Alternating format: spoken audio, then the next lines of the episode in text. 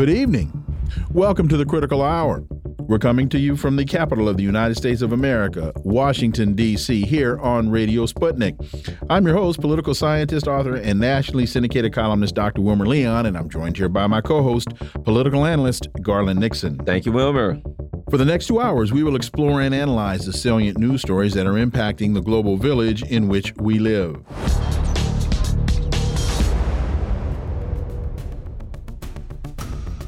Sputnik International reports U.S. military getting extremely weak due to Ukraine aid.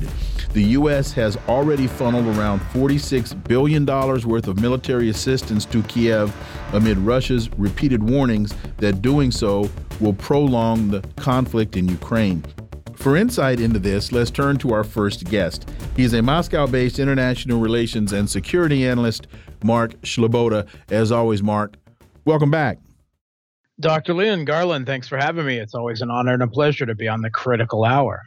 The Biden administration's relentless Ukraine aid has plunged the U.S. military into becoming overstretched, with which affects the White House's push to shore up other allies, according to retired Brigadier General Don Bolduc. He told this to American media. Uh, your thoughts, Mark Sleboda, when retired U.S. generals start telling this story?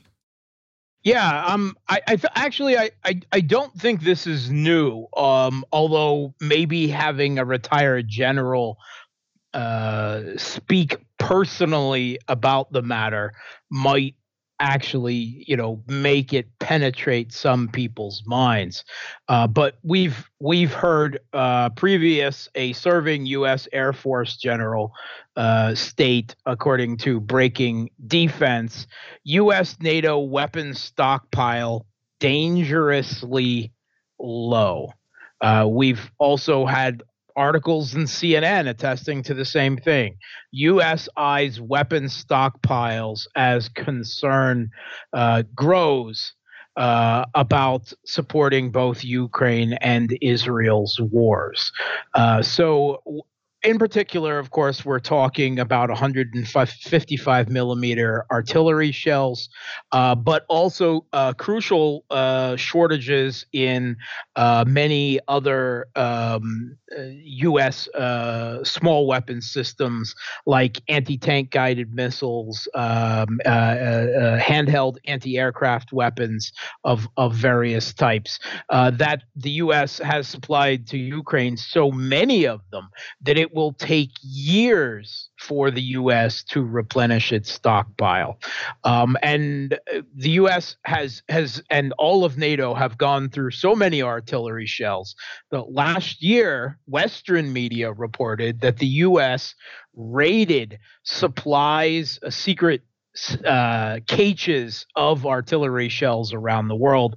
Uh, in particular, in Israel, the U.S. had some 300,000 artillery shells that were there as an emergency reserve for either the U.S. or Israel to draw on in case of a major conflict. The last year, the U.S supplied those to the Kiev regime in Ukraine. They pulled them because they didn't have enough. And lo and behold, we suddenly have an emergency situation for Israel, and they're sh- they're facing that uh, if this is a protracted combat, uh, if Hezbollah enters the fray, if they begin ground operations, serious ground operations anyway, in Gaza, then they could be short of artillery shells. Um, so uh, this is one of those ways. These shortages of critical munitions, critical weapon systems, and and the irony is we still have um, completely disconnected from reality American politicians like Lindsey Graham asserting that it is the Russian military getting weak.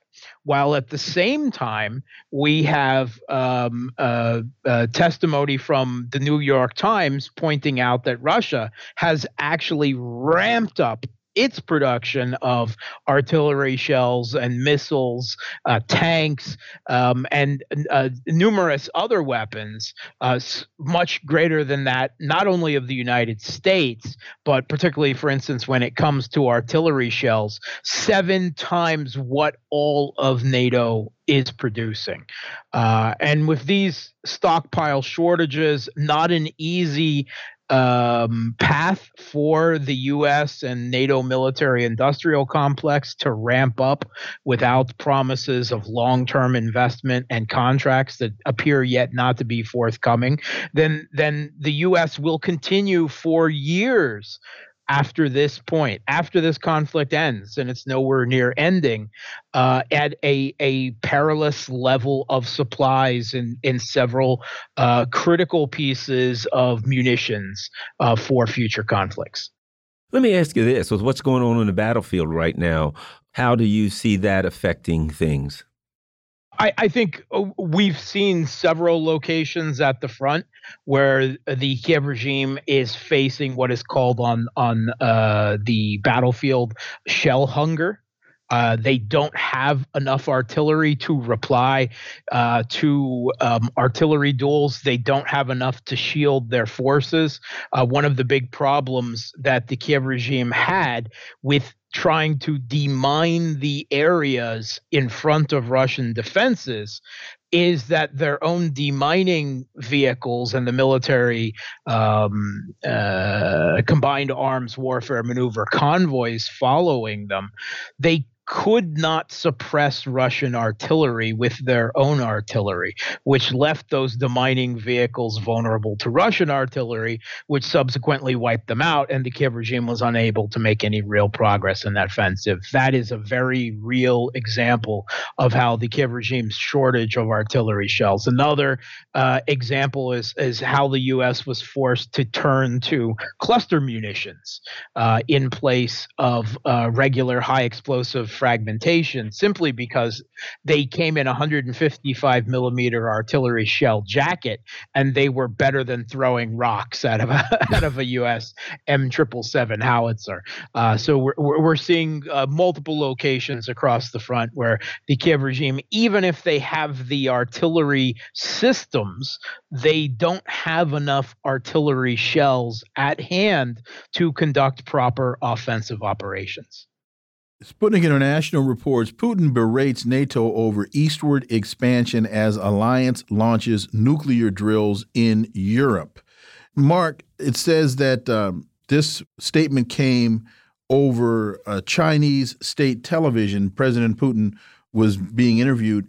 I just I wondered the the the power in statements like this. You always look at who's saying it, when it's being said, and where it's being said.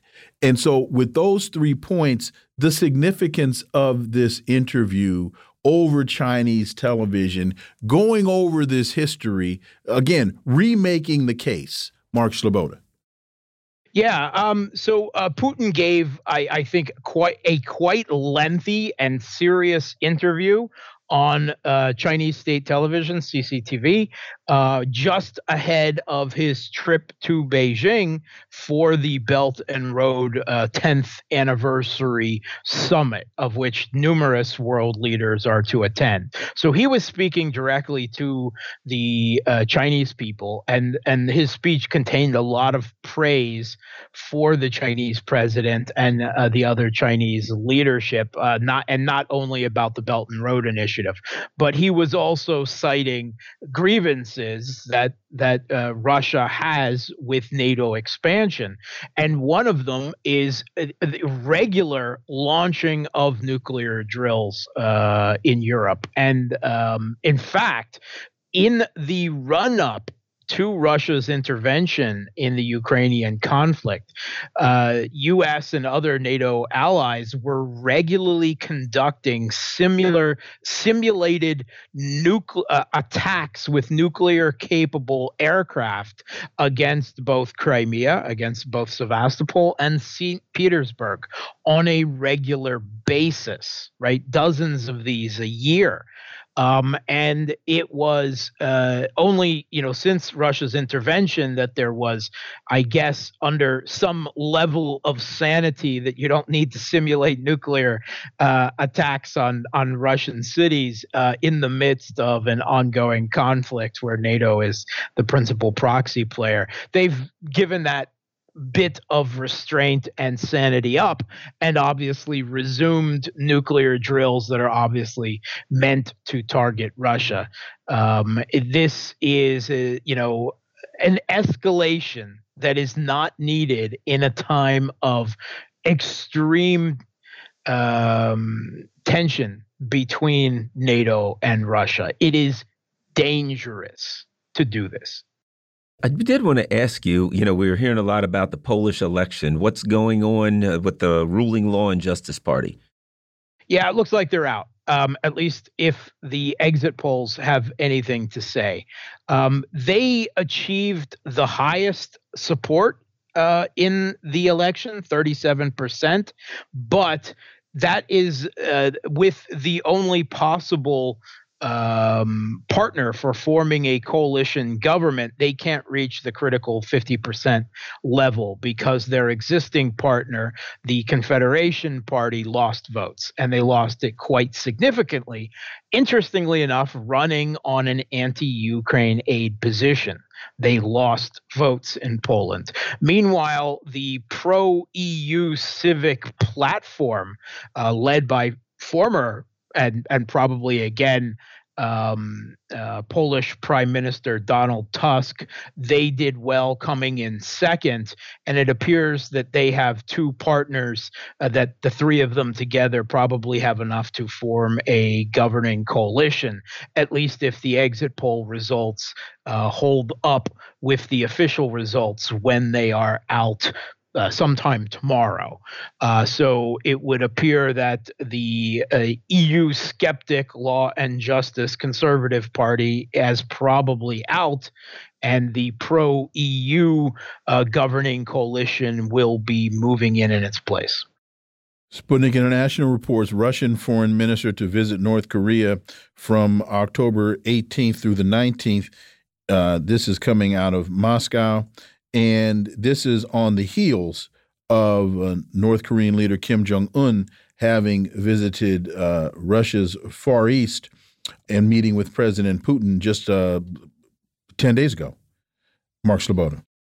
Yeah, and not only that, that itself was on the heels oh, of Shoigu. the Russian Defense Minister right. Sergei Shoigu going to Pyongyang and meeting with Kim Jong Un. So these are extremely high level uh, contacts uh, taking place.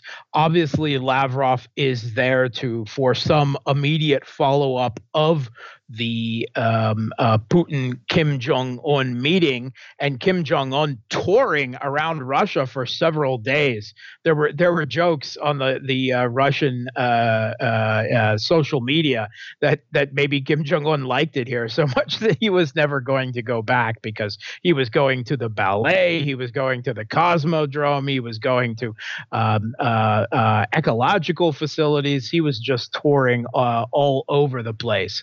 Uh, but it comes at a time when the uh, Washington Post, citing uh, the uh, usual anonymous U.S. officials and and satellite data they've corrected, uh, uh, has a headline: North Korea may be sending arms to Russia for Ukraine war. Images suggest they're talking particularly the same artillery shells that we were talking about earlier um, and uh, also um, munitions, rockets for multiple launch rocket systems compatible with Russian systems, possibly multiple launch rocket systems themselves that North Korea has several varieties of. And uh, the U.S. is trying to sound the alarm. So it sounds like some immediate um, follow up to whatever um, deal was worked out on weapons supply and whatever um, Russia will provide to North Korea in response. And again, this comes, uh, you know, as Russia's response to the South Korean government providing hundreds of thousands of artillery shells to Ukraine through the US, at least according to the Wall Street Journal and Reuters in numerous articles on the subject. So it would seem that at, at least at the procurement level, both North Korea and South Korea have long since entered this conflict on either side. Mark Sleboda, as always, thank you so much for your time. Greatly, greatly appreciate that analysis, and we look forward to having you back. Thanks for having me. Folks, you're listening to the Critical Hour on Radio Sputnik. I'm Wilmer Leon, joined here by my co host, Garland Nixon.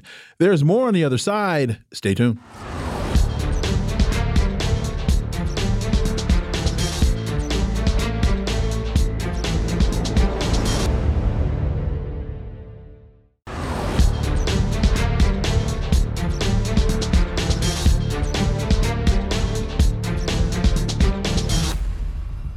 We are back, and you're listening to the Critical Hour on Radio Sputnik. I'm Wilmer Leon, joined here by my co host, Garland Nixon. Thank you, Wilmer.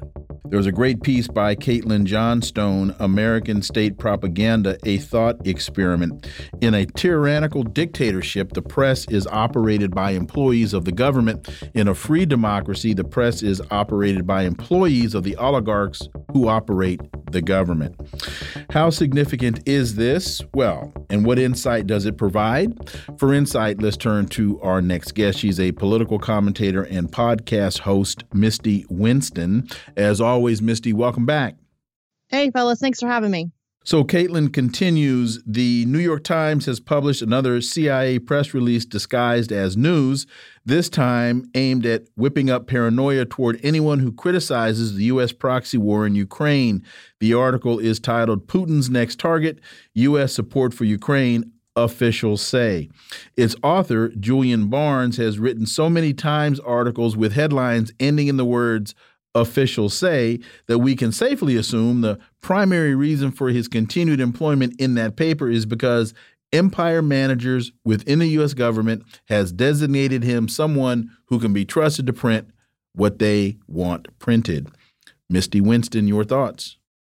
Uh, I mean, listen, Caitlin is uh, fantastic at putting together these pieces where she really dives in and examines the functions of these institutions. And I think that we have seen, I mean, listen, this is nothing new. I think our media institutions have been, um, you know, uh, in a really precarious state for some time now. But I do think that what has we've seen over the past several years, both with COVID, then now through Ukraine, and now even just this past week with the Israel Palestine conflict, we're starting to see uh, the various ways that empire uh, fully controls our mainstream media uh, uh, institutions and the sites and all of that stuff. And it is um, they all serve as a function of the narrative, and they uh, you will never see any outside narrative inside these uh, or in the pages of any of these mainstream uh, uh, papers or any of that. Um, and I think that that it's right now. I think it, it, a lot of people are really coming to that realization that you cannot trust what you are seeing in the mainstream press, and that they are operating. It is it is essentially state-run propaganda.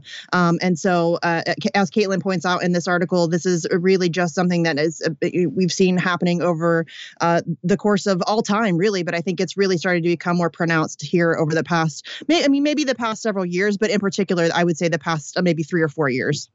What I think, two things I think I'd like to get your comment on, and that is the officials say the yeah. you know unnamed um, intelligence officials that we are always in the Washington Post, the uh, government officials who whose names will you know will, will, who will go unnamed, and they say that basically President Putin he's targeting U.S. support for Ukraine. And what's interesting at a time when the polls show that the U.S. support for Ukraine is falling, they suddenly write an article that, well, you know, it's falling. It's not because people are getting wise to us. It's all Putin, you know, because Americans aren't smart enough to figure things out on themselves. The evil and brilliant Putin has to guide our poor little minds around.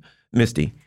Well, I mean, listen, Lord Putin works in mysterious ways. Um, so, uh, but yes, you're absolutely right. To, to, to comment on your first point, the sources say this drives me crazy. I think that uh, mainstream press has gotten really adept at hiding behind the anonymous source uh, situation, which obviously, as a, a, journalist, it is important to keep your sources safe. It is important to keep your sources' identities protected when it uh, requires you to do so. Um, but I think that mainstream press has done a very good job of really hiding behind that. And uh, that's one of the ways that they're able to uh, uh, you know, publish this unconfirmed, unvalidated, uh, really unsort. I mean, it's just this it, whatever they can publish whatever they want and just say sources say, and we're all just supposed to take it at face value. And I think it's interesting um, that you know this, as she said, this guy. I went back and looked at this Julian Barnes, and she's absolutely right. I mean, so many of the articles that he has written for the New York Times include the the the, the phrase "official say" or "sources say" or something like that. Um, and so, as she pointed out, you know, that's very likely why he maintains his position at the New York Times. There's that famous um, interview with Noam Chomsky where he's talking to I forget the the journalist's name or the outfit that they were with, uh, but he says, and I'm paraphrasing here, um, you know, I'm not saying that you don't believe the things that you're saying or the questions that you're asking. I'm just saying if you didn't, you wouldn't be sitting there right now, and that's uh, that is really I think mainstream media outlets have done a great job of bringing in people that they know will be, um, you know, good little propagandists who will just do as they're told, read the the the prompter, uh, ask the questions, print the things they're supposed to uh, print. Um, and so I think that that's uh, for sure uh, something that they have uh, definitely become very adept at doing. Um, and yeah, I think it's it's um, it's it's it's something that I don't really know how to combat, frankly, because and the whole the Putin thing. Um, I think it's interesting that they're trying to target or you know pretend as if he's targeting us. Again, this is I think where they are. Um, this is projection, pure projection. Not to say that uh, Vladimir Putin isn't doing some of the things that they're saying. Is he attempting to influence American uh, opinions? Probably. Um, is he uh, using spy networks to influence narratives? Almost certainly. I think every major country on earth is probably doing that to some extent. Uh, but I think nobody on earth is doing it more or has done it more than the United States of America. And I think certainly nobody's done that more to the American population than the United States government and their uh, minions in the media. So uh, again, I think every time I read something like this, I, I it, it makes me giggle a little bit because I it reminds me of the Spider-Man meme where they're all pointing at each other because they're all doing it. And I think again, nobody is a bigger, uh, nobody is more guilty of doing the thing that they are accusing Putin of than we are. And to that point, I'll go back to yes, Garland. I'm going back to this story once again from April 6th, 2022. MSNBC. In a break with the past, U.S. is using intel to fight an info war with Russia even when the intel isn't rock solid. It doesn't have to be solid intelligence, one U.S. official said. It's more important to get out ahead of them, the Russians, Putin specifically, before they do something. And the point of this story is that networks such as MSNBC are admittedly lying to the American people in uh, uh, in in playing this info war game and that they have to lie to us because by lying to us, they can fool Russia as though Russia is stupid. And the other story MSNBC reportedly suspends three Muslim anchors amid Hamas Israel conflict. They've uh, th two sources have confirmed Mehdi Hasan, Ayman Mohyeldin, and Ali Velshi were quietly taken off the air. And one of the things I find interesting about this story is a week ago, last Saturday, when the Israel uh, Hamas conflict uh, broke out, I turned to MSNBC and was shocked at how balanced. Uh, listening to Ayman Mohyeldin and Ali Velshi, I was amazed at how balanced their conversation was. But the next day, that whole narrative had changed. Misty. Yeah, that's really unsurprising. We can't have balanced, uh, nuanced takes, uh, Wilmer. That's not acceptable. We have to be entirely 100% pro Israel, and anything else is uh, subject to being suspended. It's crazy, right? And I think uh, I've been very, um, uh, it's been nice to see that there has been uh, a lot of support for them. Listen, I don't agree with those three guys on much of anything. They are paid propagandists on most issues. Um, and I, I, there's not much that I agree with them on, but I don't think that them being suspended in this way is right. And I think people should should be speaking out against it. And I'm very, it's nice to see that people actually are. People are speaking in their defense, even those who disagree with them uh, and who, uh, you know, would, I mean, I, I, obviously don't have much in common with any of those three guys, but uh, it is not acceptable for them to be suspended from their job simply for showing a balanced and nuanced take on the Israel Palestine conflict. And I think that, I mean, listen, we, uh, like I said, this past week, we have seen this, uh, this taking place. I mean, the 40 beheaded baby story is a great example of this. Uh, you know, it was one I 24 reporter who put out this tweet that soldiers told her, uh, and that uh, uh literally everybody ran with that story CNN, MSNBC, all of the major networks, all of the major papers. It was front page news. Everybody was tweeting about it as if it was fact. It was entirely unverified. She just got, um, you know, apparently, and this is somebody, I 24 is basically an Israeli propaganda outlet. Um, and she, she, uh, she had to clarify later and just say, oh, well, some soldiers told me that this is what they saw. Completely unverified. And yet every major outlet, CNN had to, uh, the reporter that talked about it, Sarah, I'm forgetting her last name, she had to get on Twitter and sort of give a pseudo apology for her running with that story without having it verified. Um, and that's, we're going to see more and more of that. And I think, I think honestly, what's great about this whole situation is that the distrust in mainstream media outlets is at an all time high. Nobody trusts mainstream media, nor should they. Um, and so I think that that's something that we can take as a positive from this because I think independent media um, is going to become more of a go to source for people who are looking for actual truth. Um, and I think that mainstream media outlets are being seen as the propaganda outlets that they actually are.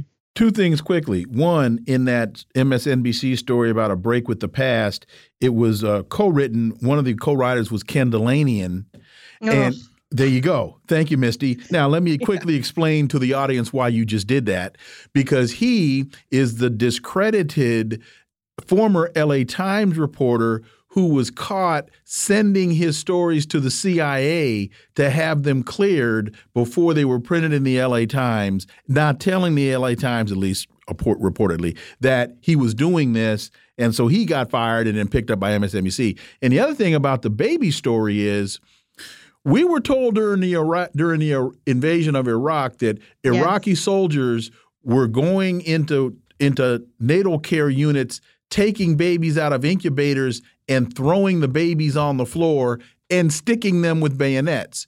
We were then told early on in the in the Ukraine conflict that Russia had attacked a maternity hospital and was killing so the killing babies narrative as soon as you hear it you've got to say time out i think i've heard this in previous conflicts let me be sure that there's something to this before I start running around screaming that somebody's killing kids. Yes, and it's not the only uh, narrative that they run with like that. Uh, the uh, giving soldiers Viagra, oh, um, yeah. they repeated that in Ukraine as well. That was something. Else. I mean, they, they, they they're not even all that clever. They're not even all that. I mean, they just original. regurgitate the same. Yeah, there's no originality. They just regurgitate the same storylines because unfortunately they're effective. And I think that in a conflict situation like this, people react emotionally, um, and they're not they're not using their their critical thinking skills, and so they're able to get away with that thing. And unfortunately, the lie gets around the world before the truth even gets its pants on, as they say. So, um, you know, everybody heard that lie. Nobody's going to listen to the correction. And so that really just uh, it plants the seed for that emotionally driven reaction for people to have a, a, certain biased perspective on this conflict. And uh, you're right, they just regurgitate these same narratives over and over again. And unfortunately, it's effective. U.S. Southcom chief, chief criticized for attacks on Telesur, RT, and Sputnik in an interview with the pro-war think, think tank. And the head of Southcom, General Laura Richardson, said, in Latin America, there are more than 31 million followers of Sputnik Mundo, Russia Today, and Telesur. They do not practice journalism of justification or verification. They spread disinformation, which to me, there's a certain, I'm going to put it like this, racist tinge to that. You know, these poor, these poor little ignorant indigenous people in South America don't have sense enough that they know they're being misled. Why they should listen to the U.S. and get the real information. Your thoughts? Yeah, no question about it. I think this is a ridiculous assertion. Again, there's nobody who is perpetuating more disinformation than the United States government and their minions in the media. Rand Paul said that on uh, in Congress. He's absolutely right. I don't often agree with Rand Paul. He's right there. Um, and so it's it's always interesting to me when the United States think, thinks that they have the moral superiority on the disinformation front. Uh, they do not. I mean, I can uh, rattle off dozens of examples. You know, there's uh, Gulf of Tonkin, the weapons of mass destruction, the incubator babies, the Viagra. I mean, there's time and time again that we have seen uh, these sorts of stories being used to mislead and, uh, and, and essentially just lie to the American public in order to manufacture consent for our uh, involvement in these types of conflicts. And so the idea that she thinks that she has the ability to point fingers at any other outlet anywhere in the world uh, with any sense of moral superiority or journalistic integrity is just laughable to me. Misty Winston, as always, thank you so much for your time. Greatly, greatly appreciate that analysis. And we look forward to having you back. Thanks, fellas. Anytime. I appreciate you. Folks, you're listening to the Critical Hour on Radio Sputnik. I'm Wilmer Leon, joined here by my co host, Garland Nixon. There's more on the other side. Stay tuned.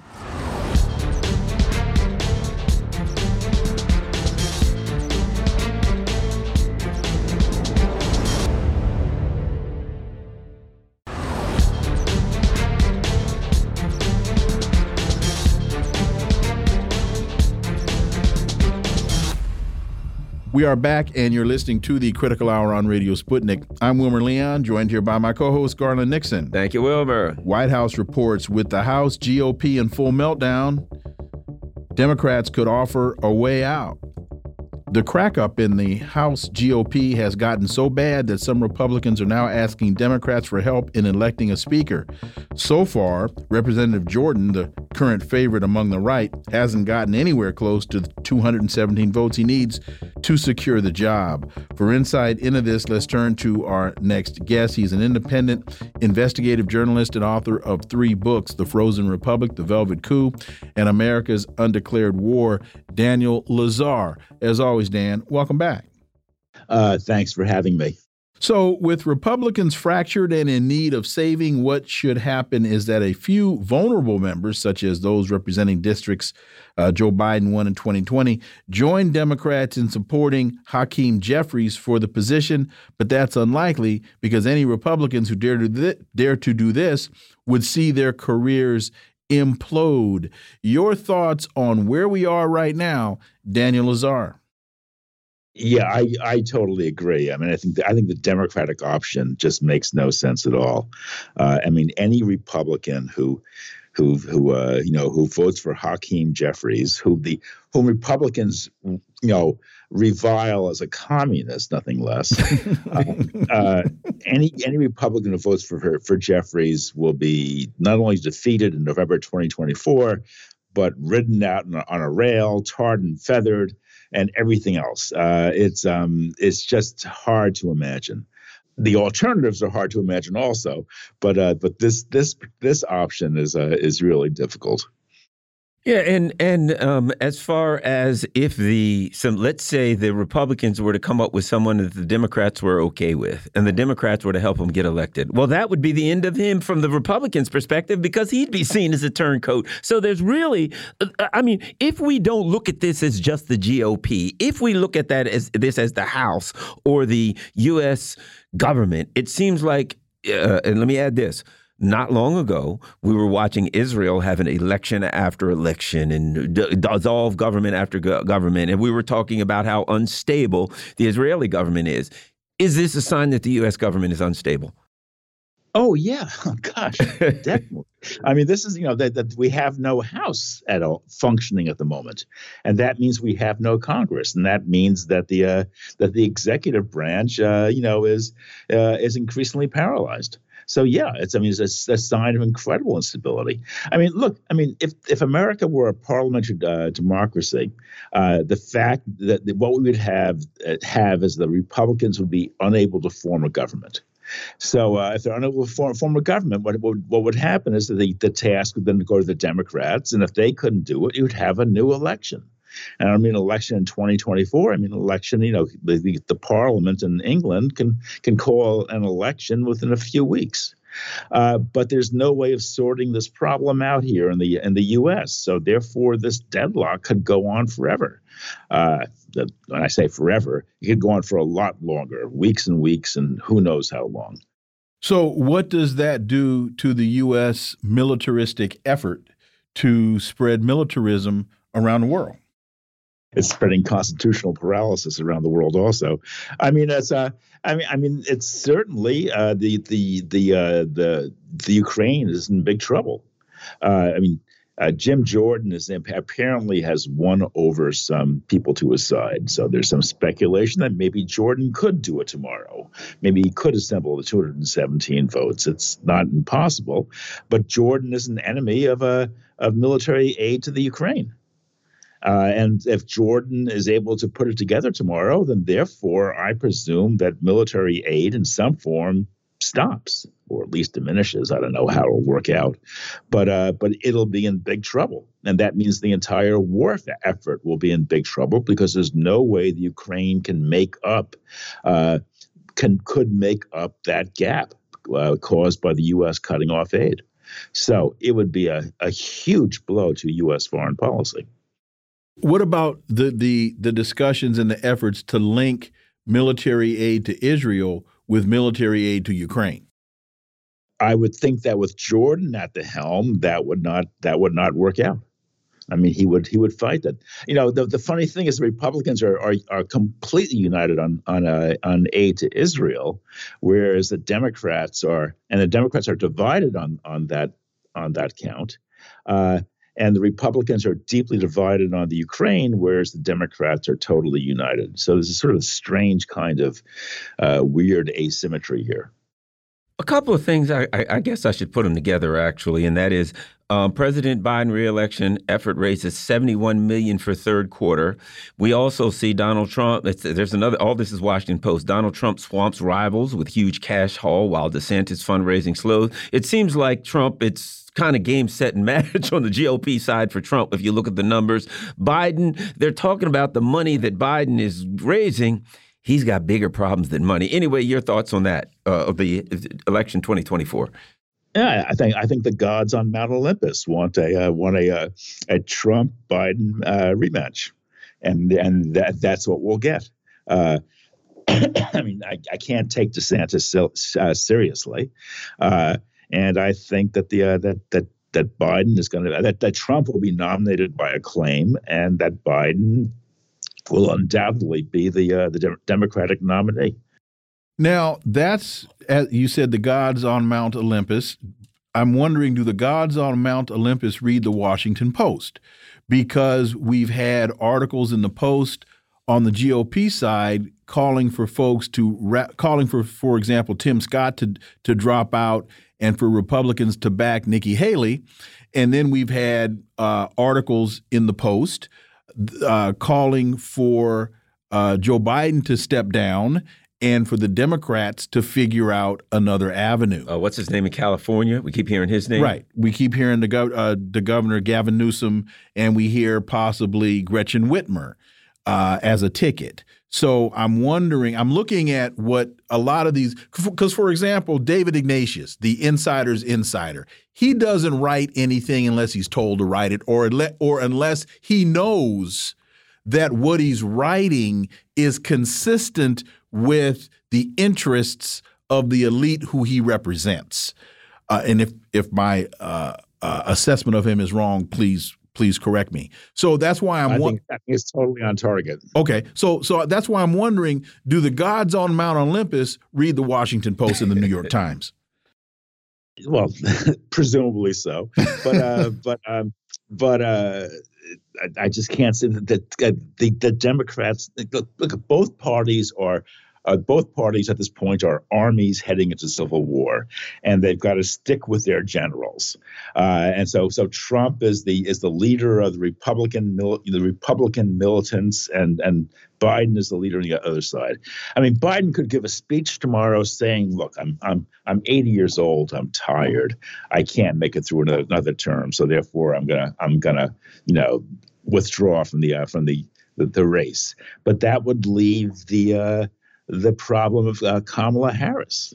I mean, how do the Democrats get around that? I suppose the the um, the, the Barack Obama could give her a phone call and have give her a good talking to and persuade her to fall on her, on her sword for the good of the party. Um, but Gavin Newsom, does he have the kind of national appeal? Gretchen Whitmer is a very attractive candidate, uh, a personality, I should say. But you know, but but she does she know anything about foreign policy? And and don't you think that Trump will just you know, just chew her up on the grounds of being, you know, a, a mainstream Hillary worshiping Democrat.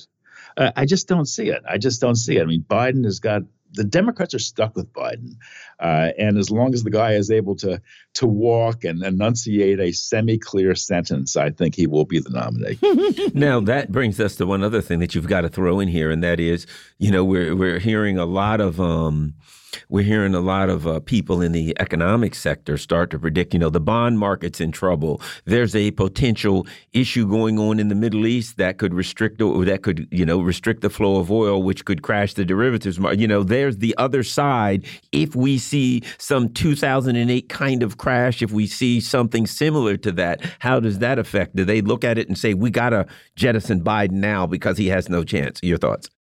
Oh yeah, I mean, if the if the economy takes a takes a dive, there's no question that that Biden will pay a huge price. I mean, this this is simply the basic rule of American presidential politics.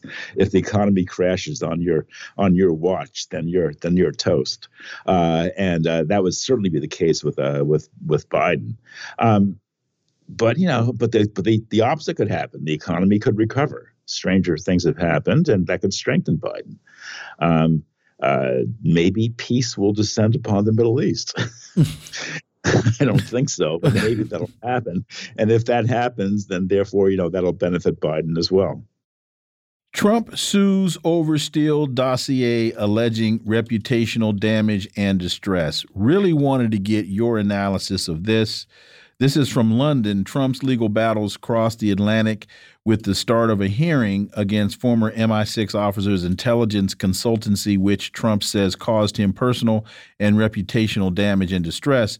And it's important for people to realize that the law related to defamation in the United States is much uh, more lenient than it is in Britain. Yeah, that's that's definitely true. I mean, Britain has uh, has has very tough laws in this regard, uh, and the U.S. Uh, is is very liberal. Um, uh, but you know what I must say, I uh, I, I do I sympathize with Trump to a degree. I mean that the uh, the that dossier was simply the Steele dossier was simply astonishing, and um, it it certainly caused Trump any amount of a of, of personal and public distress, uh, and um, it made you feel sorry for. It made me feel sorry for the guy, um, and so I think he certainly uh, deserves justice. But you know, but then again, you know, you know. British defamation laws are very complicated. Uh, they kind of like you know they're hard for an for an American to understand. So actually, what will result of this court case is unknown.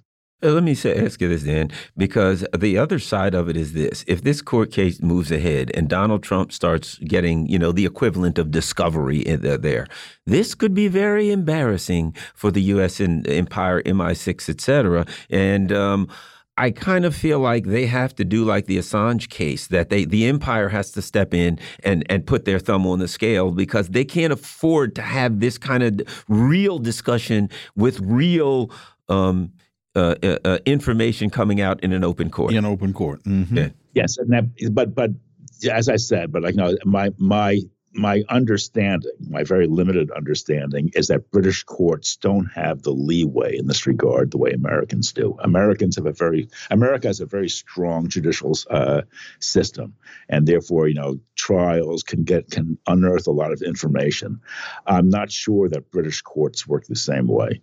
Uh, but listen, I would love it. I would be thrilled, thrilled to find out, you know, you know how how Steele worked, who was talking to him, you know, exactly what was happening behind the scenes of this, uh, you know, as, during the compilation of the uh, of the dossier, because it's really one of the great mysteries uh, of uh, of of recent American politics. I mean, the other great mystery is when is when the FBI director uh, actually visited Trump uh, uh, I think it was like two weeks before his uh, inauguration, and read him out the read to him the most salacious elements in the uh, in the dossier, and then quickly leaked it to the press. That was the the strangest episode in uh, in modern American politics. And we have just about a minute left. It it would be an incredible I told you so if Trump were to prevail in British court?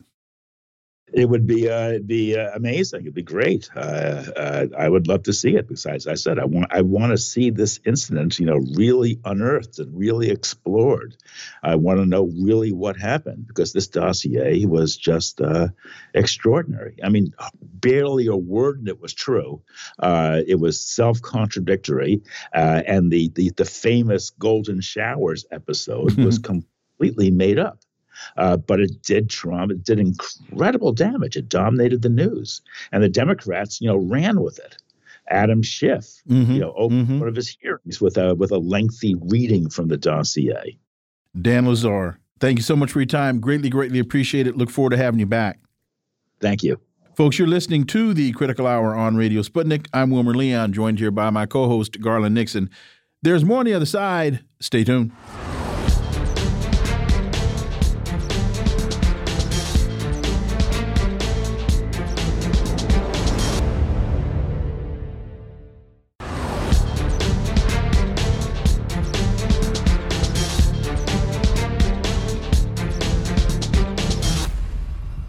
We are back, and you're listening to the Critical Hour on Radio Sputnik. I'm Wilmer Leon, joined here by my co host, Garland Nixon. Thank you, Wilmer.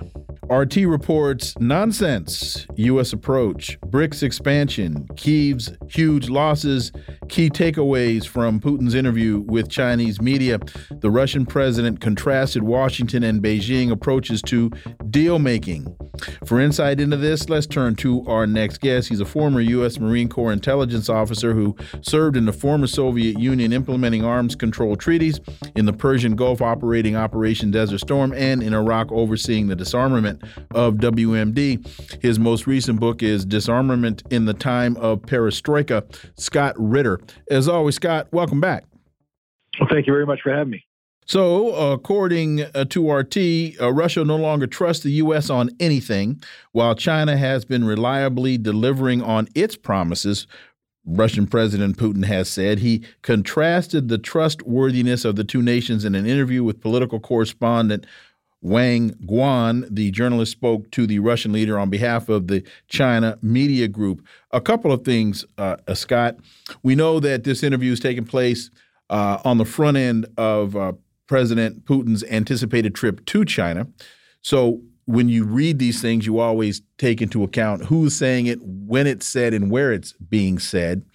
And with this statement that Russia no longer trusts the U.S. on anything, then how can anything actually get accomplished? Uh, and let's look at Ukraine, other than through just flat out surrender by Ukraine. Scott Ritter.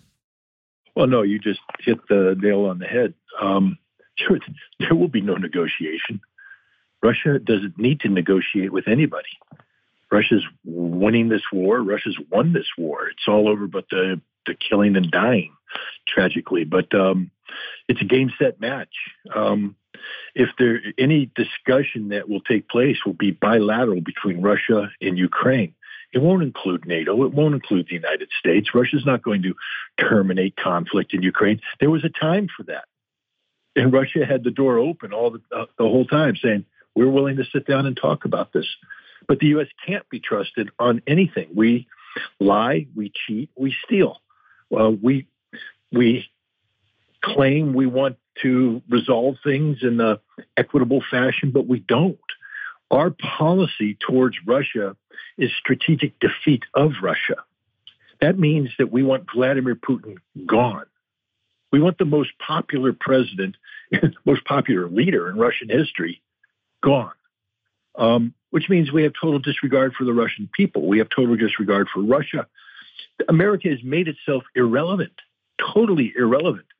I mean, Russia will go to China. Putin will go to China. I think he's going there for the Belts and Roads Initiative conference. Mm-hmm. Um, what does that mean? It means that Russia's buying into BRI, that Russia's saying this is the venue for global development. And you know who's not a member of the BRI, who will never be a member of BRI, at least not as long as it can, the United States. Europe's, you know, kicking the, the, the few nations that signed up are under pressure to disassociate, but they're going to rethink that. as their economy collapses, as America uh, economy goes into the default, um, political, economically, moral, you name it, we, we suck. Um, the the world is going to start to gravitate towards those people who are doing things. Those people who, when you sit down and you get an agreement, they live up to their agreement. You can say what you want about the Chinese. I mean, you know, if I were look, beggars can't be choosers. And when you're a developing nation out there with a collapsed economy, and China comes in, maybe they drive a harder bargain than uh, than than you want. But up to, the, thing about the Chinese is, you know, if down the road you go, dude, it ain't working, we're collapsing. China says, oh, okay, uh, we'll forgive, uh, you know, ten billion here. Uh, let's let's sit down and, and, and try and fix this. Instead of saying, no, no, no, uh, you know, if this was the International Monetary Fund. We have to come in and take over your economy. Uh, we have to, you know, destroy everything, unemployment, just to meet our, you know, our, our metrics for what economic success is. Uh, the Chinese care about success. And success for China is a two way street, meaning there's no reason to go in and develop a nation um, that you want to become part of your supply chain if that nation's economy is destroyed in the process. China needs you to succeed for China to succeed. They need to acquire your resources and turn those resources into products that you buy. Um, and you can't do that if your economy is collapsed. So that the Chinese model is one that is looking for mutual success, as opposed to the American model, which is looking purely for a colonial style relationship where we drain your your you know drain the target of their resources, drain them of their income production capability, and when we're done with them, we leave you. We we move on to the next. There's a reason why China has spent seven to ten trillion dollars. That's trillion. That's with a T. Trillion dollars uh, in, involved in global infrastructure development, and that's because China is trying to make the world part and parcel of a you know a multi uh, polarity, multilateral economic, um, you know, interactive economic um, universe um, that doesn't revolve only around China. It revolves around every everybody playing. And Russia, because and, and the proof in the pudding is that Russia wants to be a part of this. You know, I've been doing Russia things for a long time, and I will tell you that the Russians have an inherent um, distrust of China dating back decades. They fear China. China's big. Their fear a growing Chinese economy can come in and swamp them in the Far East. Um, where's that fear today? It doesn't exist. There's some concerns. You can find, you know, a, you know, a hardcore, uh, you know, a Russian old timer who says, "Nah, never trust the Chinese." But the, the the new Russians, the ones who are now emerging from, you know, their dependence upon the Western uh, economies, they're saying, "No, China's the place to go. That's our future. We're gonna we're pivoting away from the west towards the east, and they're going to do it responsibly, but they're going to do it, which means they know the Chinese aren't out to try and become you know economic colonialists. They they know that the Chinese are looking for a mutual um, a mutually beneficial relationship, and that's that's the the future. I mean, Putin's trip to China is a big deal. And the other thing people need to understand about Putin is Every word counts when he speaks. He doesn't use words frivolously. He's not like Biden or other American politicians who let their rhetoric get ahead of reality. Putin's words tend to be matched with a policy that is going to be implemented. You very rarely will catch Putin saying something that he has to backtrack later. Another interesting article, uh, rules based order, a smokescreen.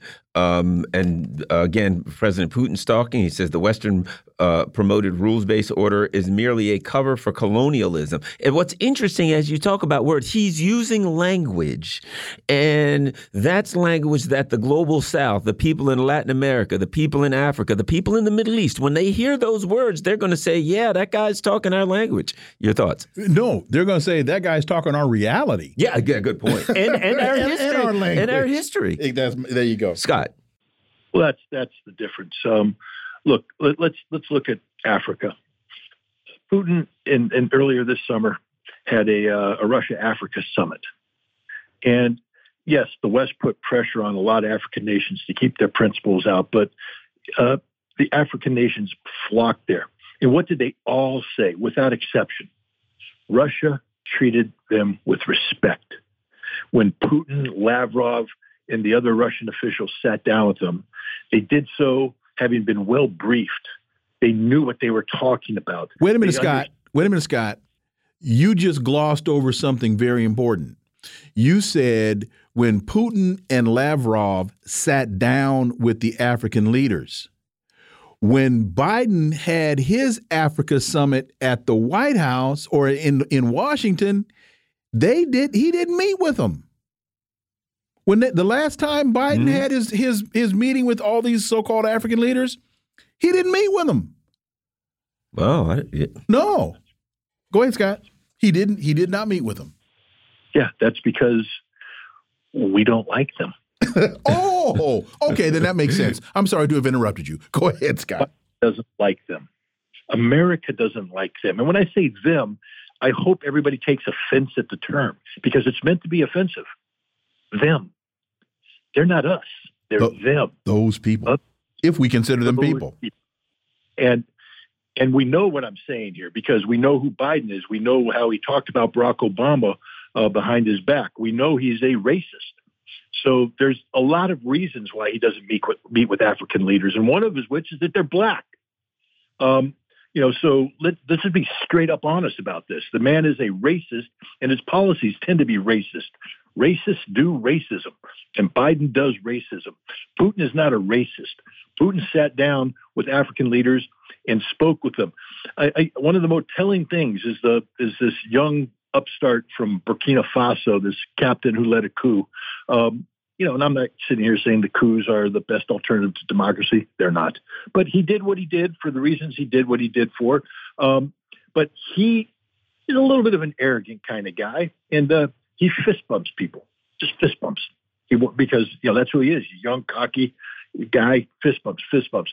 He's only shaking hands with one person, Vladimir Putin. Why do you think that is? Because he respects Vladimir Putin. He respects who Vladimir Putin is. He respects Russia. I went to the uh, Russia Africa evening at the Russian embassy. I know, Scott, why are you going to the Russian embassy? I don't know. Maybe I'd learn something. Maybe I'd meet African leaders there and talk to them about their situation. Maybe I'd get to meet some Russian officials and talk to them about what's going on and what their policies are and what they hope to achieve. Firsthand knowledge, always a good thing. Um, but the the respect that was shown in that room uh, between the Russians and, uh, and and the Africans was was real. It was, you know, you can feel it, um, and and that's the thing. When the Russians sit down with the Africans, the Africans recognize this not as a nation that's coming in to dictate. Let's just remember when Blinken went to South Africa, I think it was two years ago, and um, no, it was right after the uh, it was uh, right after the Russian invasion of Ukraine, and uh, the and he was trying to pressure the South Africans into signing on to these sanctions. And the South African foreign minister read him the Riot Act, and she said, "We don't like being lectured to. We don't like being told what to do. We're a sovereign nation. We get to make it." And Blinken said, "No, no, no. We respect you. We would never." Ever lecture you or threaten you. We just believe that this is the right policy that we're pursuing, and we want to talk to you about maybe getting you on board. But we would never try to threaten you with sanctions. The same day he said that, the U.S. ambassador to the United Nations was in uh, Uganda, where she literally said, if you do business with Russia, we will sanction you. That's the American approach. That's it. And that's the same thing that Blinken did with the Chinese when he met with them in Anchorage. And they got up and left the room telling him, We didn't come here to have you lecture us. Scott Ritter, as always, thank you so much for your time. Greatly, greatly appreciate that analysis. We look forward to having you back. Thank you very much. Folks, you're listening to the Critical Hour on Radio Sputnik. I'm Wilmer Leon. I'm joined here by my co host, Garland Nixon. There's another hour on the other side. Stay tuned.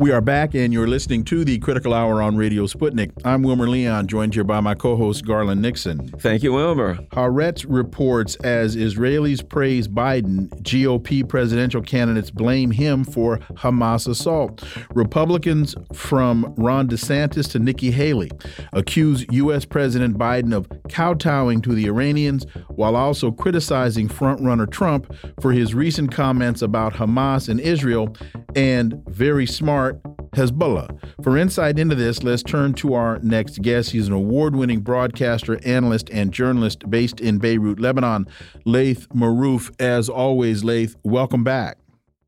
Thank you for having me. So, Haaretz is reporting that Republican presidential candidates and lawmakers are increasingly trying to place blame for Hamas's attack on Israel squarely on U.S. President Biden, trafficking in conspiracy theories while attempting to reframe the worst day in Israel's history as a domestic U.S. political matter. Your thoughts, Laith Marouf? It is, of course, uh, crazy that both sides, the Republicans and the Democrats, are calling for genocide and they're fighting each other on who can give more blood of Palestinian children to the Zionist colony. It is uh, a spectacle to watch. Uh, it's like seeing sharks uh, going for blood, and they're now fighting each other on, and biting at each other as they go into a frenzy. This is the atmosphere in general uh, as we look at it from outside the imperial order across the whole board of uh, Western politics uh, in Europe uh, in North America and Canada and the United States and Australia. It is abhorring. And I think the speeches that we heard from uh, China about how uh, everything that's happening is uh, beyond human conscience uh, and, and the way that the, the United States is responding and the West is responding, it is a very scary moment for uh, all humans that uh, feel outside what is called uh, whiteness, that uh, the West seem to be caring more of as a life. What's interesting, if you could, I'm, I'm glad you brought that up as a result, what we've seen is we've seen China, we've seen Russia. Now we're hearing that the BRICS countries are going to put something together. We hear from those, that part of humanity. Hey, we need to get a ceasefire. We need to find a way to stop bloodshed. We need to um, give the Palestinians a state. There's a historical context. We're hearing a rational discussion that seems to take into context humanity. But yet, while from the U.S. empire and its vassals, we're hearing revenge. We see that a young boy was stabbed. We're hearing this this this violent anger. There's a um, a, a, a, completely different kind of reaction. Your thought? Well, and, and and and before you respond to that, Laith, not only that, Garland, but when you listen to Western press, the conflict that has been going on for seventy years, that historic context is not entered into the analysis, all of this discussion we hear from the Western media is as though this whole thing started a week ago this past Saturday.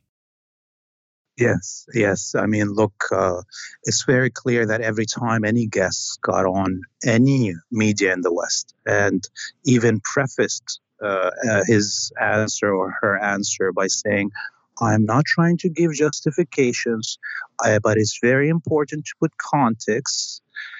They were still shut down and they are banned from ever going on air again.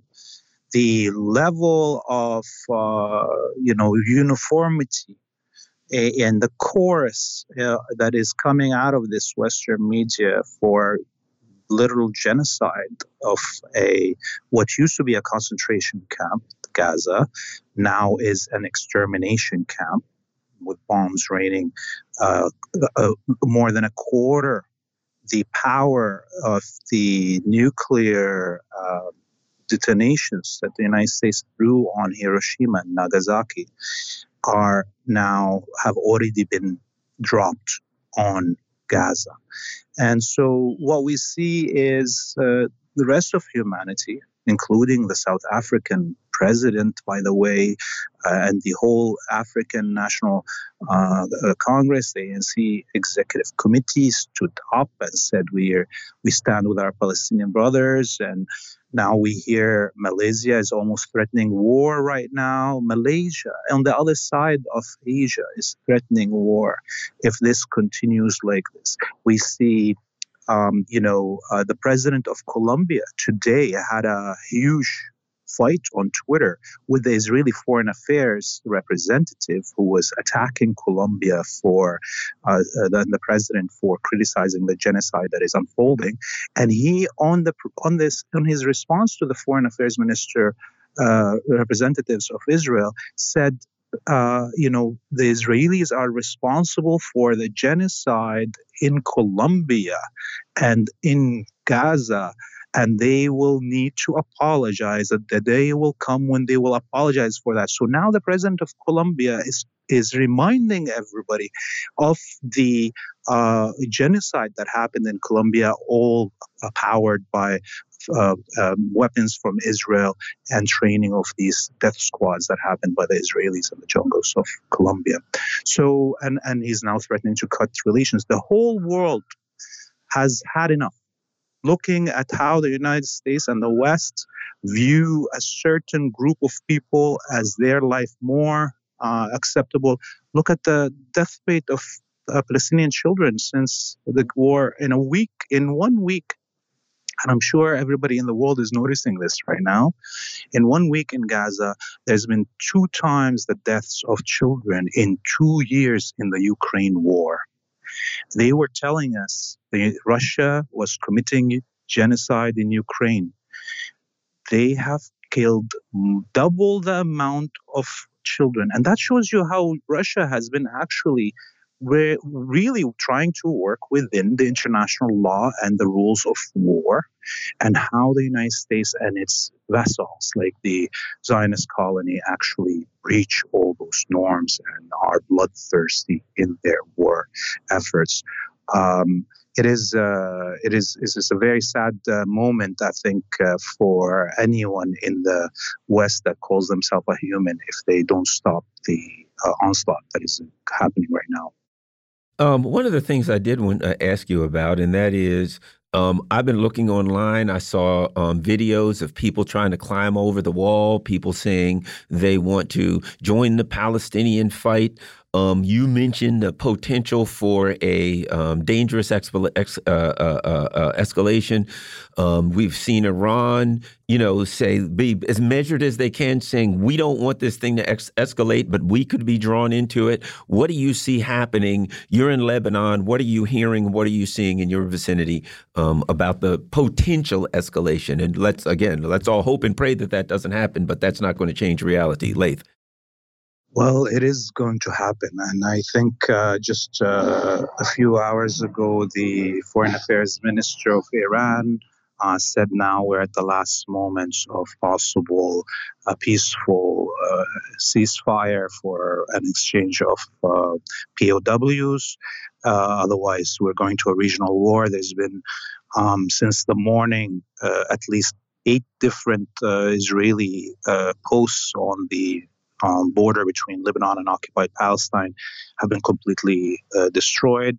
Uh, there's um, at all the Israeli monitoring towers and cameras along the whole border uh, section that uh, you know was walled off have been destroyed. So you know they it, it, you know if the Israelis do not stop the genocide in Gaza, we will see a war within the next 24 hours developing on this front uh, from Lebanon, and uh, who knows where we go? Because already, by the way, all the targets, the main targets like the radars and and, and listening posts and view, you know uh, viewing posts of Israel have been totally destroyed in the north of Palestine over the last week by the resistance here there will be a complete um, fall of uh, North Palestine to liberation forces. So the Israelis called on uh, all colonists in North Palestine, nine kilometers in uh, from the border to evacuate. So, you know, what we're seeing already is uh, because of the arrogance of the United States and that's supremacy based and the Israelis, it is not allowing them to understand how bad a situation that they've created, and they think that they don't care about any human uh, feelings around this planet, and they will continue with, with genocide, thinking that they're going to win. Um, um, I hope um, some cool heads in the West um, actually can control their attack dog, but uh, I don't think we can. I'm going to tie three stories together. Uh, one, MSNBC reportedly suspends three Muslim anchors amid Hamas Israel conflict. Two sources have confirmed that Mehdi Hasan, Ayman um, and Ali Velshi were quietly taken out of the anchor's chair since the Hamas attack on Israel. This is according to Semafor. Uh, the second story. Names and faces of Harvard students linked to an anti Israeli statement were plastered on mobile billboards and online sites. A uh, billboard truck drove near Harvard's campus last week, displaying the names and photos of Harvard students whose organization signed a statement blaming Israel for the deadly attacks on Hamas. And the Chicago Sun Times reports Palestinian American boy stabbed to death, his mom wounded in a Plainfield hate crime motivated by war in Israel, according to police. A six year old boy was killed and his mother critically injured when they were stabbed by a man who targeted them, I think it was their landlord, because they were Muslim in the wake of this conflict uh, Laith, these types of uh, individual actions uh, are only fanning the flames of this conflict. And to your point, one can only hope that somehow some cooler heads can prevail.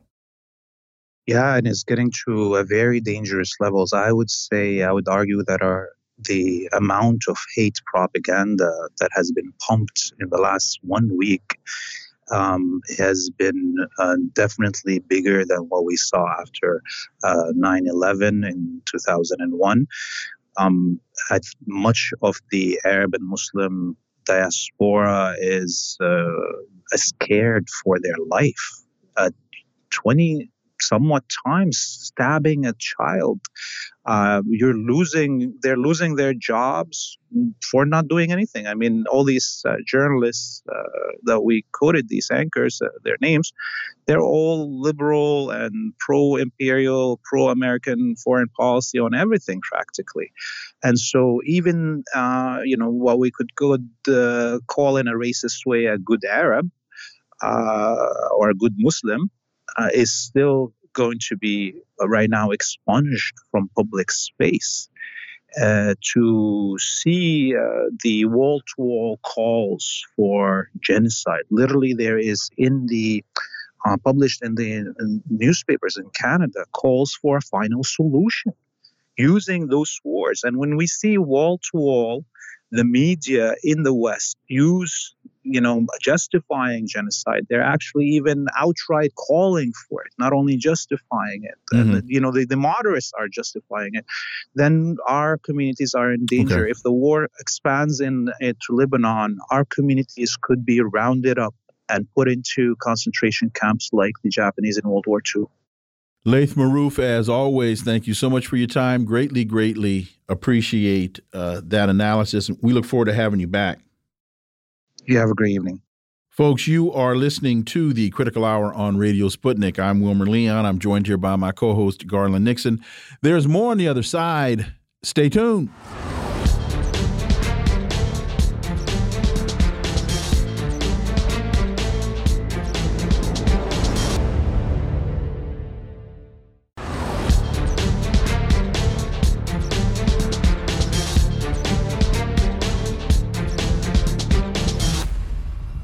We are back, and you're listening to the Critical Hour on Radio Sputnik. I'm Wilmer Leon, joined here by my co host, Garland Nixon. Thank you, Wilmer. The Hindustan Times reports Saudi Crown Prince humiliates Blinken over Israel.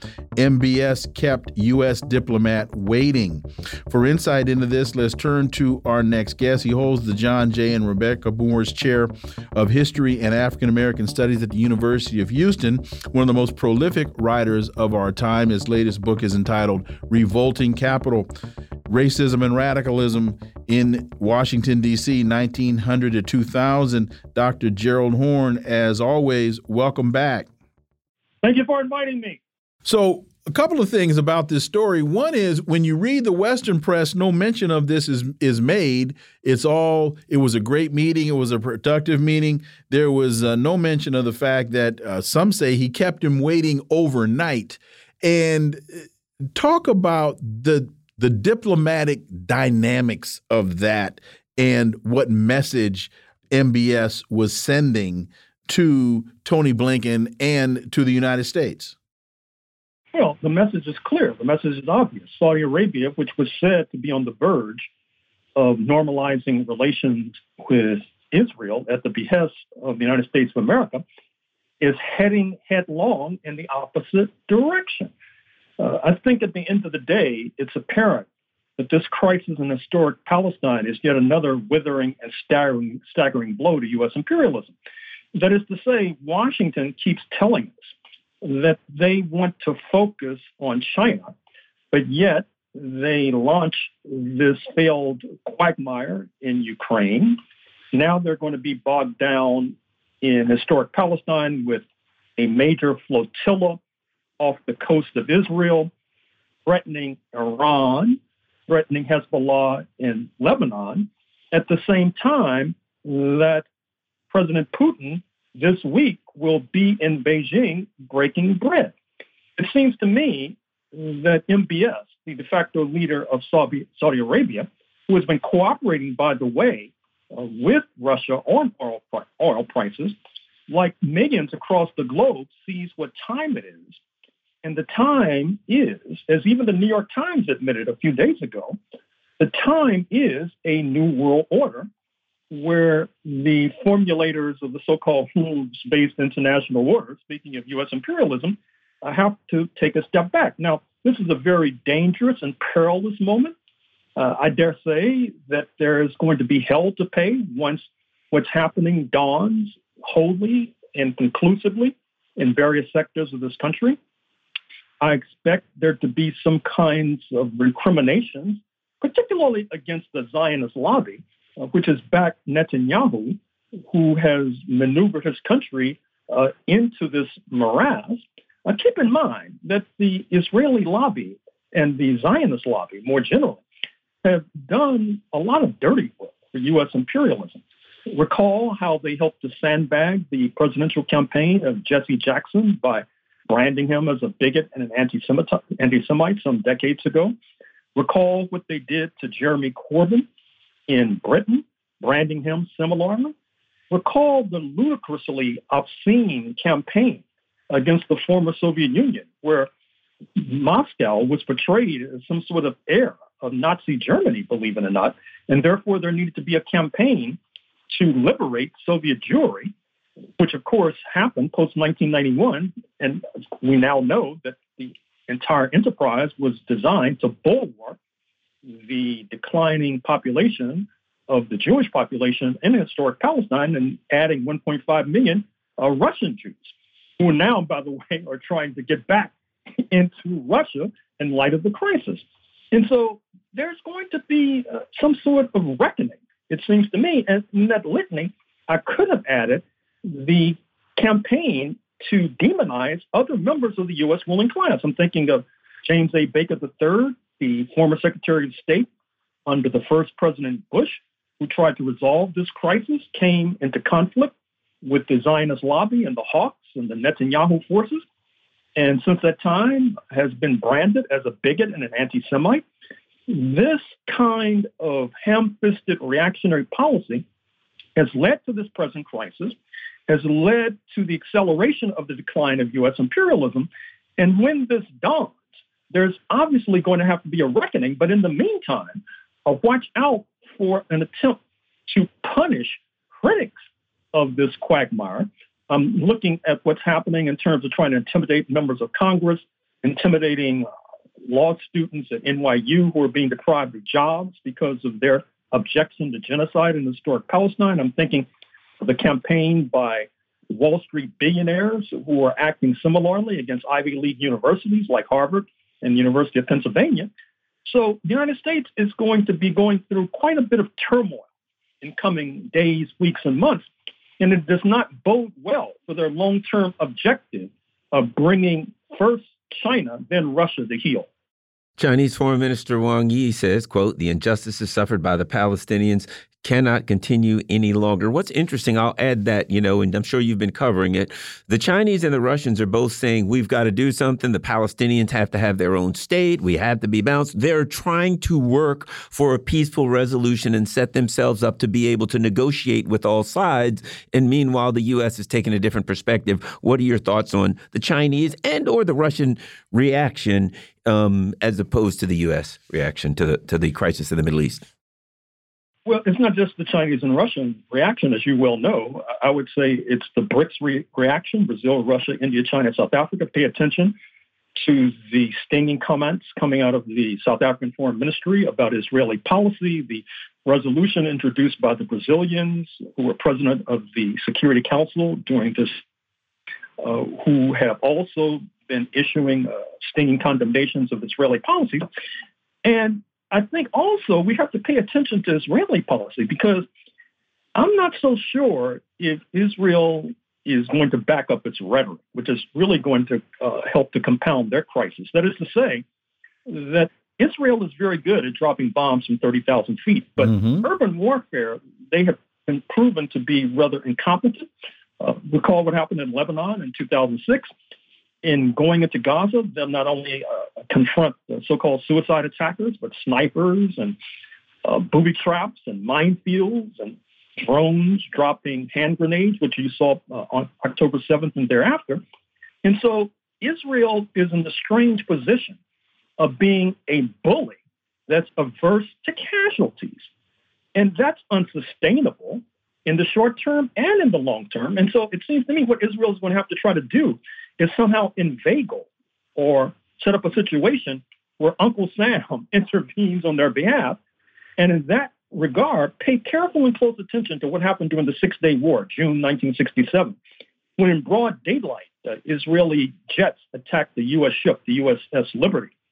Now, if that were to happen in October 2023 today, I think it would be for a different purpose. That is to say, it would be a, kind of false flag operation to try to entice or present to the press and throw dust in the eyes of the U.S. population the idea that this is like the USS Cole uh, some decades ago, where uh, the uh, Iranians and their so-called proxies were actually the culprits behind this attack. But in any case, uh, Israel has to be careful because if it makes a wrong step, which I think it's about to do, uh, it could be headed towards a kind of societal collapse, leading to the imprisonment of its present prime minister, Benjamin Netanyahu. I'm glad to hear you say that because uh, I have been saying for a while that, or been asking the question, is Israel being baited into a urban warfare environment that they're not really prepared to deal with and that this entire most recent part of the conflict is to disrupt their sense of Israeli sense of security. Because one of the things that Netanyahu has been screaming for you know I'm going to keep you safe. And now it is it is apparent no you can't. And so if body bags start coming out of Gaza full of Israeli defense forces the society is going to say this is not what we signed up for. You're not the guy. Undoubtedly. Israel reminds me once again of the bully, the schoolyard bully, uh, who really doesn't want to fight. And so when a confrontation occurs, he shouts, Somebody hold me back. Hope somebody does hold me back because he, he doesn't want to get his coat dirty. But it, it's even deeper than that. If you look at what's happening internationally, uh, there are massive bets right now against the U.S. dollar, the massive bets with regard to U.S. Treasury bills. Pay attention to the confer- conferring in, uh, with the Chancellor Scholz of the Emir of Qatar, who has suggested that unless Germany ch- changes its policy towards historic Palestine, they'll begin to cut off natural gas exports, which Germany has become dependent upon in light of their boycotting uh, Russian natural gas uh, exports. And even Israel, this is post October 7th, has begun to sell off some of its U.S. Uh, Treasury bonds and has begun to augment it with Chinese currency. So even the ultimate culprit seems to know what time it is and is hedging against the imminent and incipient decline of U.S. imperialism. The only problem, or a problem, I should say, is that many people in the United States, sadly, because of misinformation from the mass media, are sadly and tragically malinformed and misinformed and are destined to suffer as a result. Dr. Gerald Horne, as always, thank you so much for your time. Greatly, greatly appreciate that analysis, and we look forward to having you back. Thank you. Folks, you're listening to the Critical Hour here on Radio Sputnik. I'm Wilmer Leon. I'm joined here by my co host, Garland Nixon. There's more on the other side. Stay tuned.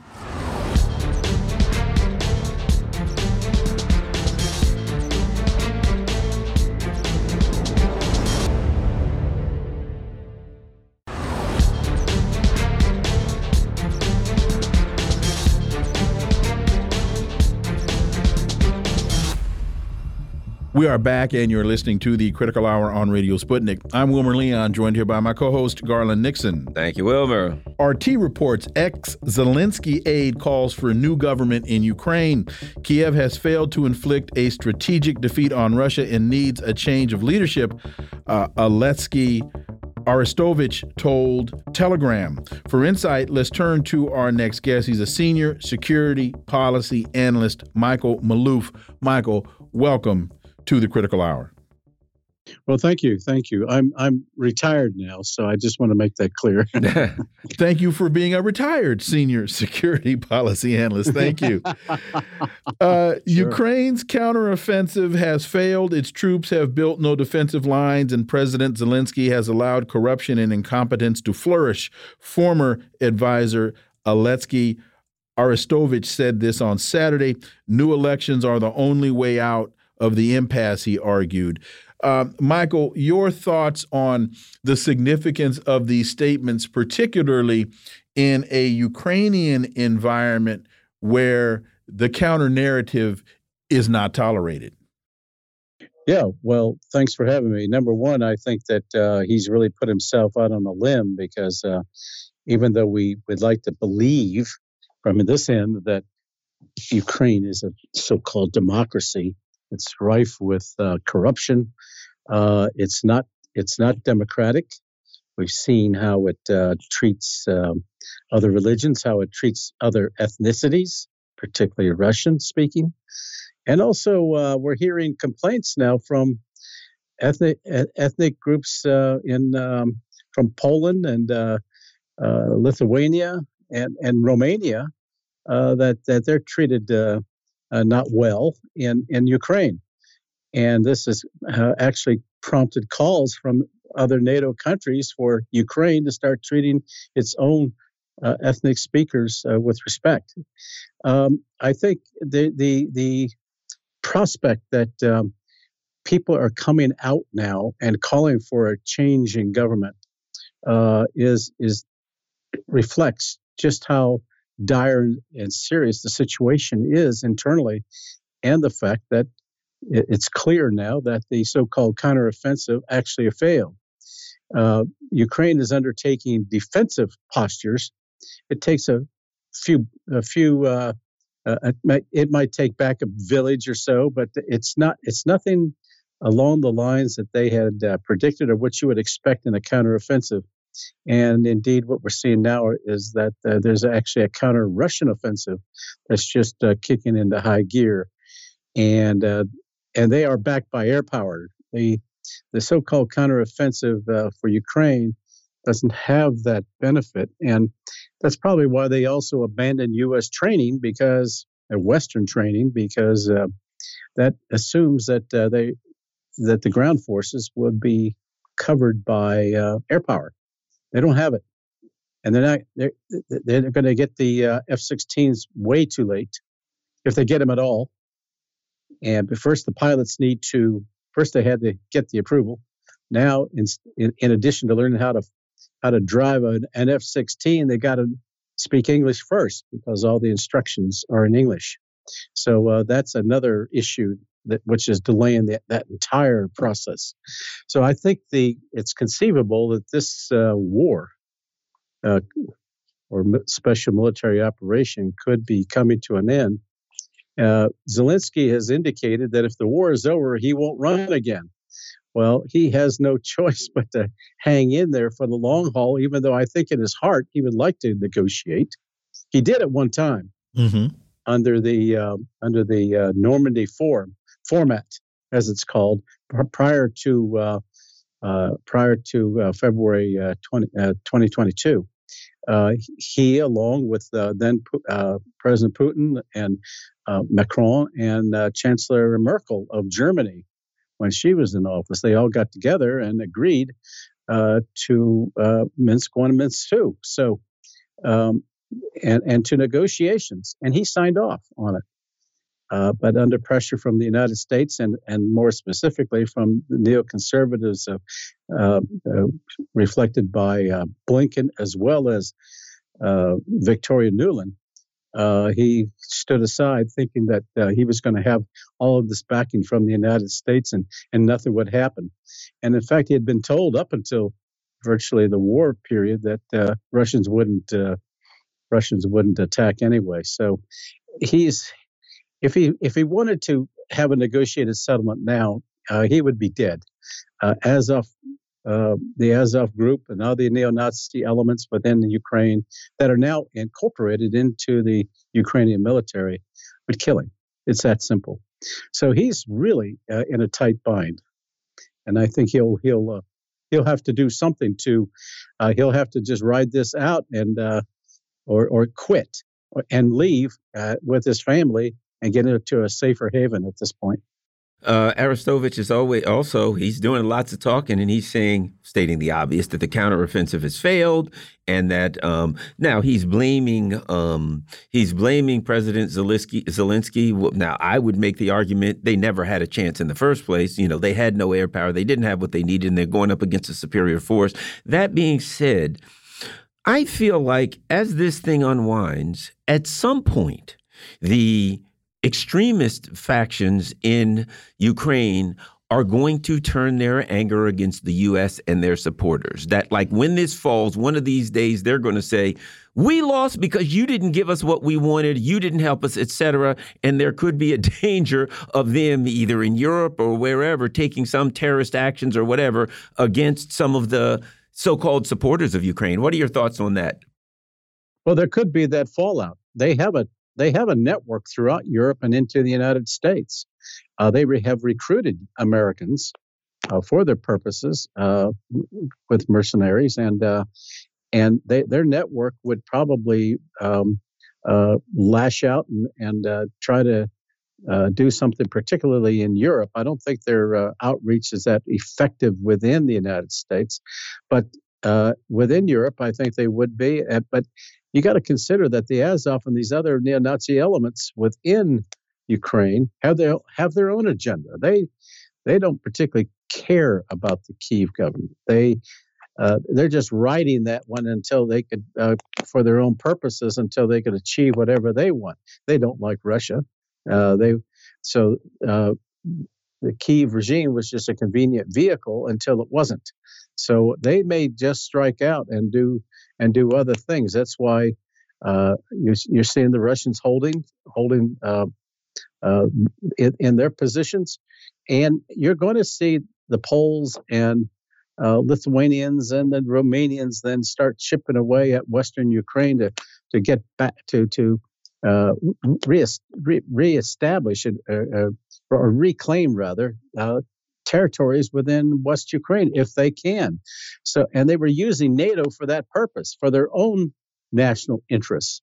And I think that that may ensue as well. So ultimately, um, Ukraine just may be just a um, a shell of what it once was.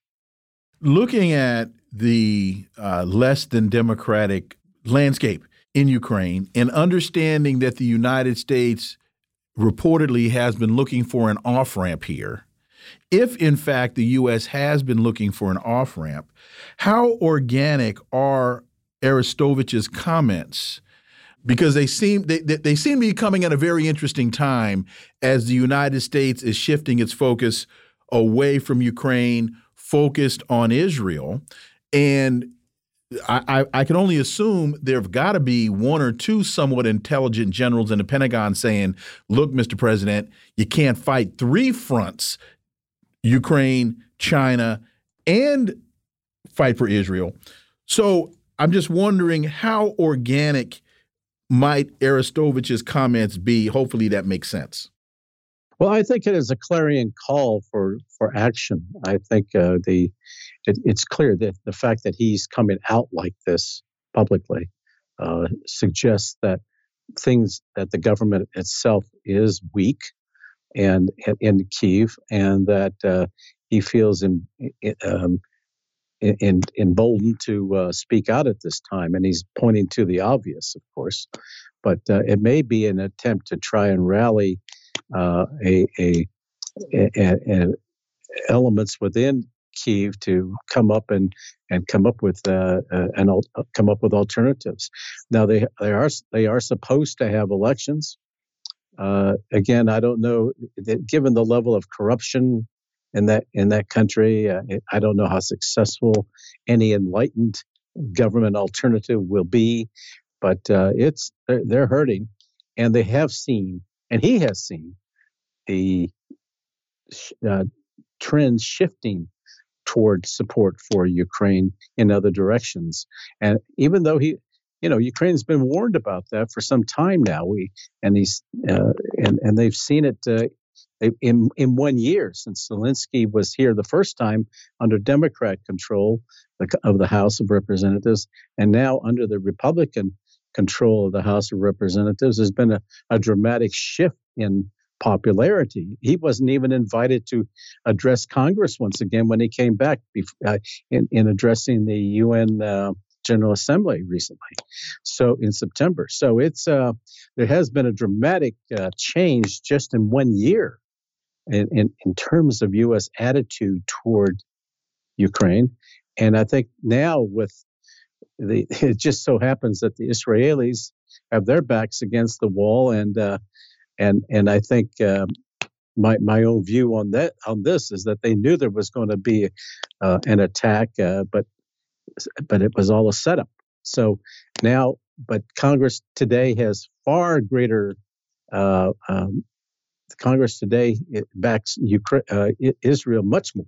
Mm-hmm. They, uh, the Israeli lobby is very, very strong in the Congress, and we're seeing that all the time. And it, it, it's it's the rest of the world that is um, more pro-Palestinian, and and the way the Israelis have been treating the Palestinians is, is most especially the the the, the um, children, the uh, women, and and elderly, uh, being indiscriminate in the bombing and strafing of them. Uh, and cutting off all utilities to them in this enclave that they've been subjected to. It's like a, a, a huge outdoor uh, encampment that, that they have no access to anything for basic uh, human needs. So uh, people are seeing this.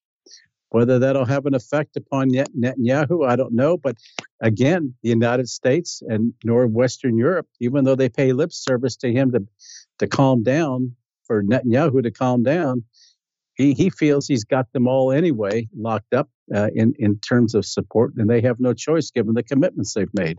So he's going to go full. I think he'll go full speed ahead to do an invasion of some kind to try to go take out the Hamas leadership.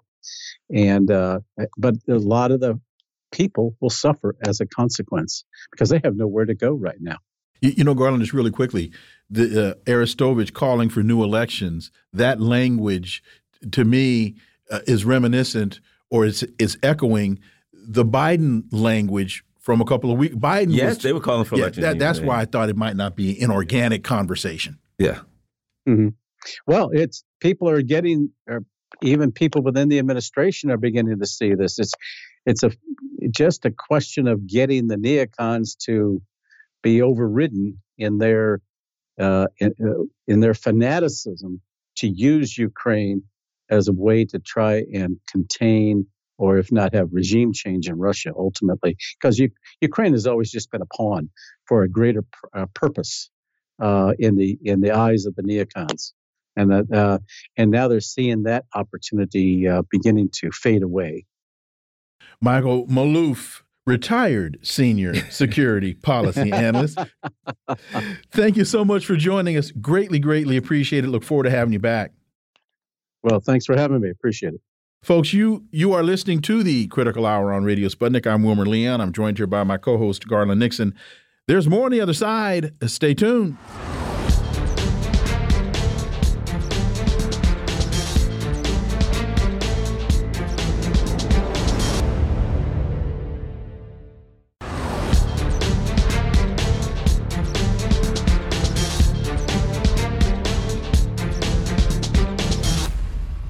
We are back, and you're listening to the Critical Hour on Radio Sputnik. I'm Wilmer Leon, joined here by my co host, Garland Nixon. Thank you, Wilmer. U.S. hitting the brick wall of military and financial self destruction. In the U.S., the Republicans nominated Steve Scalise, but Scalise was unable to get enough votes on the floor. He has compared himself to David Duke, the notorious leader of the Klan. Scalise saying he's David Duke without the baggage. Republicans now turn to Jim Jordan as their nominee. What of all what does all of this mean in the context of forever wars? For insight, let's turn to our next guest. He's a scholar and activist, and he's an expert in W.E.B. Du Bois, one of the most cited Du Bois scholars in the world. He's an organizer with the Philadelphia Saturday Free School, Dr. Anthony Monteiro. Tony, as always, welcome back. It's great to be with you guys. So, the last time the House selected a speaker, it took them 15 rounds to agree on McCarthy, and he got ousted nine months later. And it's easy to see how the remaining four to five weeks until the 17th of November uh, can be consumed by bickering over the issue. And the problem is that the U.S. can't get anything passed in the House, a la military funding. Uh, with all of this internal conflict, how will they get spending bills out of the out to finance their forever wars? Tony Monteiro. Oh, this is very, very significant and a profound crisis for the ruling elite. Can they rule? And and I would say, you know, the deep meaning of the crisis of the Republicans choosing a speaker. Well, let me be more uh, precise. The House of Representatives choosing a speaker and thus choosing to go forward with the business of attempting to govern. The underlying thing for me is one, forever wars, as, as you have, have said. The crisis of empire is coming home to roost. The crisis of empire is a crisis of the rule of the ruling elite. The second thing that is uh, interconnected with this is the crisis of inflation. And the crisis of inflation, uh, which has gone up in October, I mean, in September, and probably will go up again in October. The crisis of inflation is connected to the crisis of military spending, going back to the wars in the Middle East starting in the beginning of this century. The war in Afghanistan, the war in Iraq, the war in Libya, the war in Syria. And on top of that, now a hundred, well, and thirty billion dollars for Ukraine. Uh, it's probably more than that.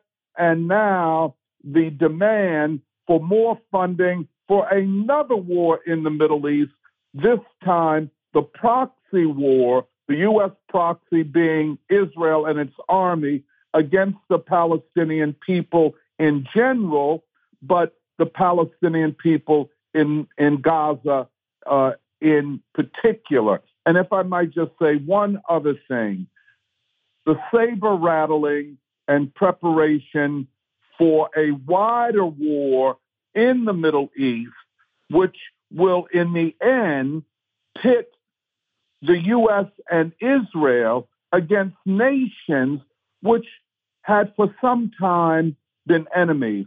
For example, Saudi Arabia and Iran are united in opposition to Israel and the United States and what they're doing to the Palestinian people.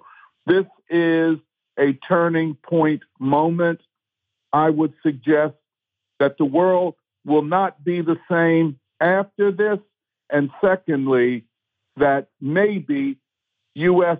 politics will not be the same after this. Let me ask you this, Dr. Monteiro. You know, uh, you know, back in the '70s, when there was, uh, you know, certainly an, an, inflammation in the Middle East regarding Israel, the some of the um, oil-producing nations took the opportunity to um, deal with the crisis through a tightening of the oil spigots. Uh, Qatar has already said if Israel does a ground invasion, we'll cut off the gas to the world. They have, I mean, uh, Wilmer and I were talking about it earlier. Um, if they were, if if the oil were to stop, uh, the um, derivatives or actually the insurance market trillions, tens of trillions of dollars would collapse, uh, you know, within days. Um, your thoughts of the potential, the economic potential here for a financialized econ economic system that makes nothing, and in the event that the um, the leaders in the Muslim world decide to turn off that spigot on oil. Well, and let me add let me add one more data point. Uh, it just it was just reported that Tony Blinken went to Saudi Arabia and Mohammed bin Salman made Tony Blinken wait overnight before he gave him an audience. Tony.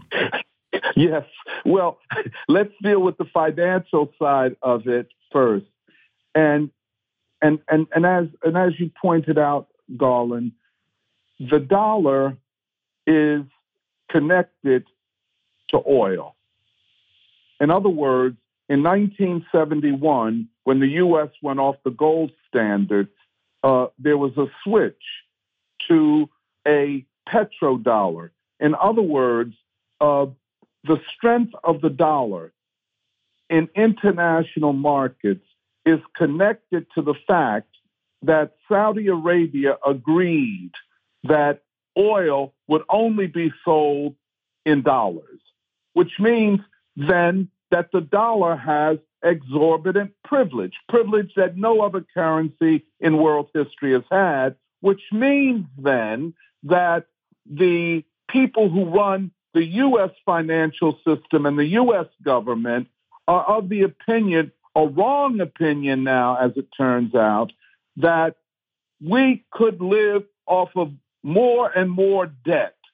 Uh, at this point, the government debt is 150 times what percent, 150 percent higher than the gross domestic product of the United States. This is huge. What this means, the collapse of the dollar and the fact that the Saudis are selling oil to Russia and to, um, pardon me, to China in yuan or renminbi rather than dollars is huge because this means that the dollar's privileged position in the world is declining, which means then that inflation will increase. It is inevitable. But inflation will be the undoing of the American working people and the American middle class. It will destroy the middle class. It will destroy the working class. In fact, these strikes and this summer of strikes that we've seen uh, are a result of the declining standard of living, in fact, due to inflation uh, that the American working class has experienced. And there is no remedy to it. The American working class, unless there is a political change, a substantive political change in the country that will bring with it radical, substantial political reforms, something similar to what happened in the New Deal. There has to be a change in the whole political and economic structure of the country if the working people are to survive, which also means a retreat from the imperialist policies of endless wars. There's a very interesting piece in Counter Information. It's written by uh, Paul Craig Roberts. John F. Kennedy turned to peace, refused the conduct of a false flag, and was assassinated. He writes that researchers who have investigated the assassination for more than 30 years have concluded he was murdered by a conspiracy of the Joint Chiefs, the CIA, and the Secret Service. Surprised they didn't mention the mafia because there are many who believe that they were involved. But anyway, uh, shortly before he was murdered, he gave an extraordinary speech at American University. He rejected the Joint Chiefs' belligerence towards the Soviet Union and their belief that a nuclear war could be won. He rejected the chairman of the Joint Chiefs' Operation Northwoods, a plan to carry out false flag terror attacks on Americans and blame Castro in order to create support for a U.S. invasion of Cuba. Uh, your thoughts, uh, because there seem to be a lot of parallels between the machinations of these intelligence apparatchiks and then and where we are now. Oh, yes, I agree with you completely. That was the great anti war, the greatest anti war speech ever given by a United States president. The greatest anti war speech, and it got him assassinated. I agree with that. The other great anti war speech, which I think went beyond Kennedy's speech, is Martin Luther King's speech mm-hmm. in April 1967 for Time to Break Silence, where King raised the question who made America the policeman of the whole world? And he linked the war policies at that time in Vietnam, but now globally, to poverty in the big cities and poverty for Black people and Appalachians, and ultimately now war policies and policies of empire that are undoing the working class, are reducing it to perhaps its most precarious position in 75 years.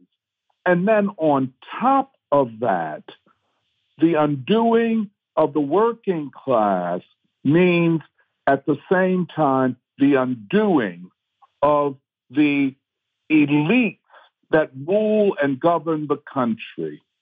This is the meaning of Cornel West, Robert F. Kennedy Jr., and Donald Trump, what I refer to as a triad of opposition.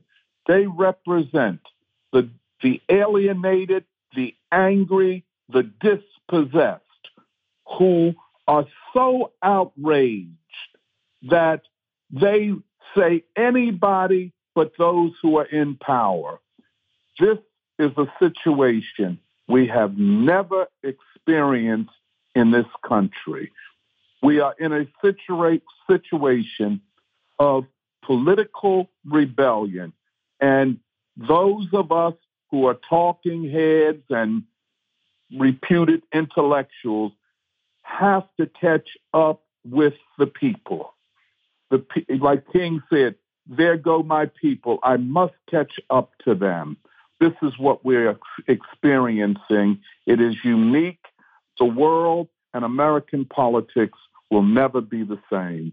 Dr. Monteiro, here's a perfect example. I like to uh, uh, uh, relate anecdotes. Uh, Saturday morning, I was talking to a relative of mine from grew up Baltimore City, grew up in the inner city, inner city guy through and through. Uh, you know, love him, but we were very close.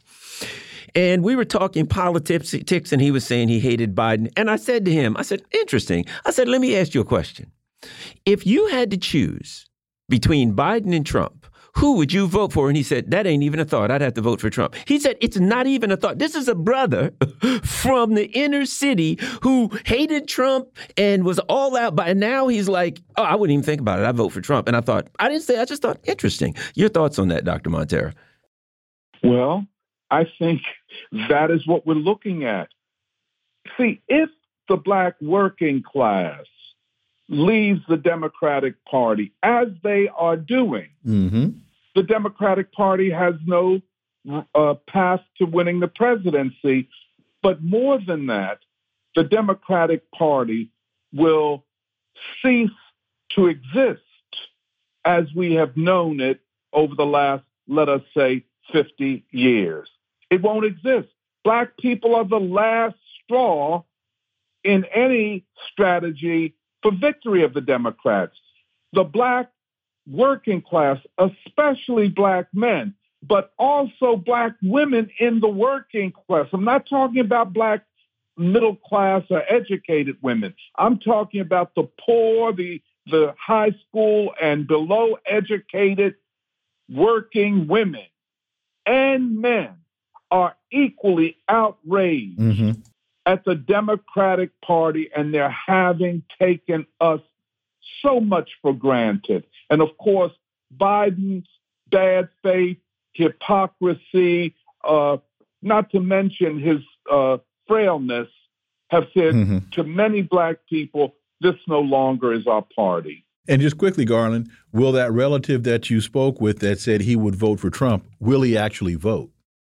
Well, it, it, what I got from him was I don't like any of them. I'm other, I'm unhappy with blah okay. blah blah. So I just put it to him: okay. if somebody put a gun into your head, right. what would you do? Just to see. It right. wasn't that he's pro Trump and he's no, going to no, vote no, for Trump. No, I, it was my, that. My, you see where I'm? Yeah. yeah. My question was though will he actually vote? Oh, he ain't going. Because, he ain't going to show up. Okay. Based okay. on what he said, if Biden's the nominee, he okay. ain't showing up. Dr. Anthony Monteiro, as always, thank you so much for your time. Greatly, greatly appreciate it. Look forward to having you back.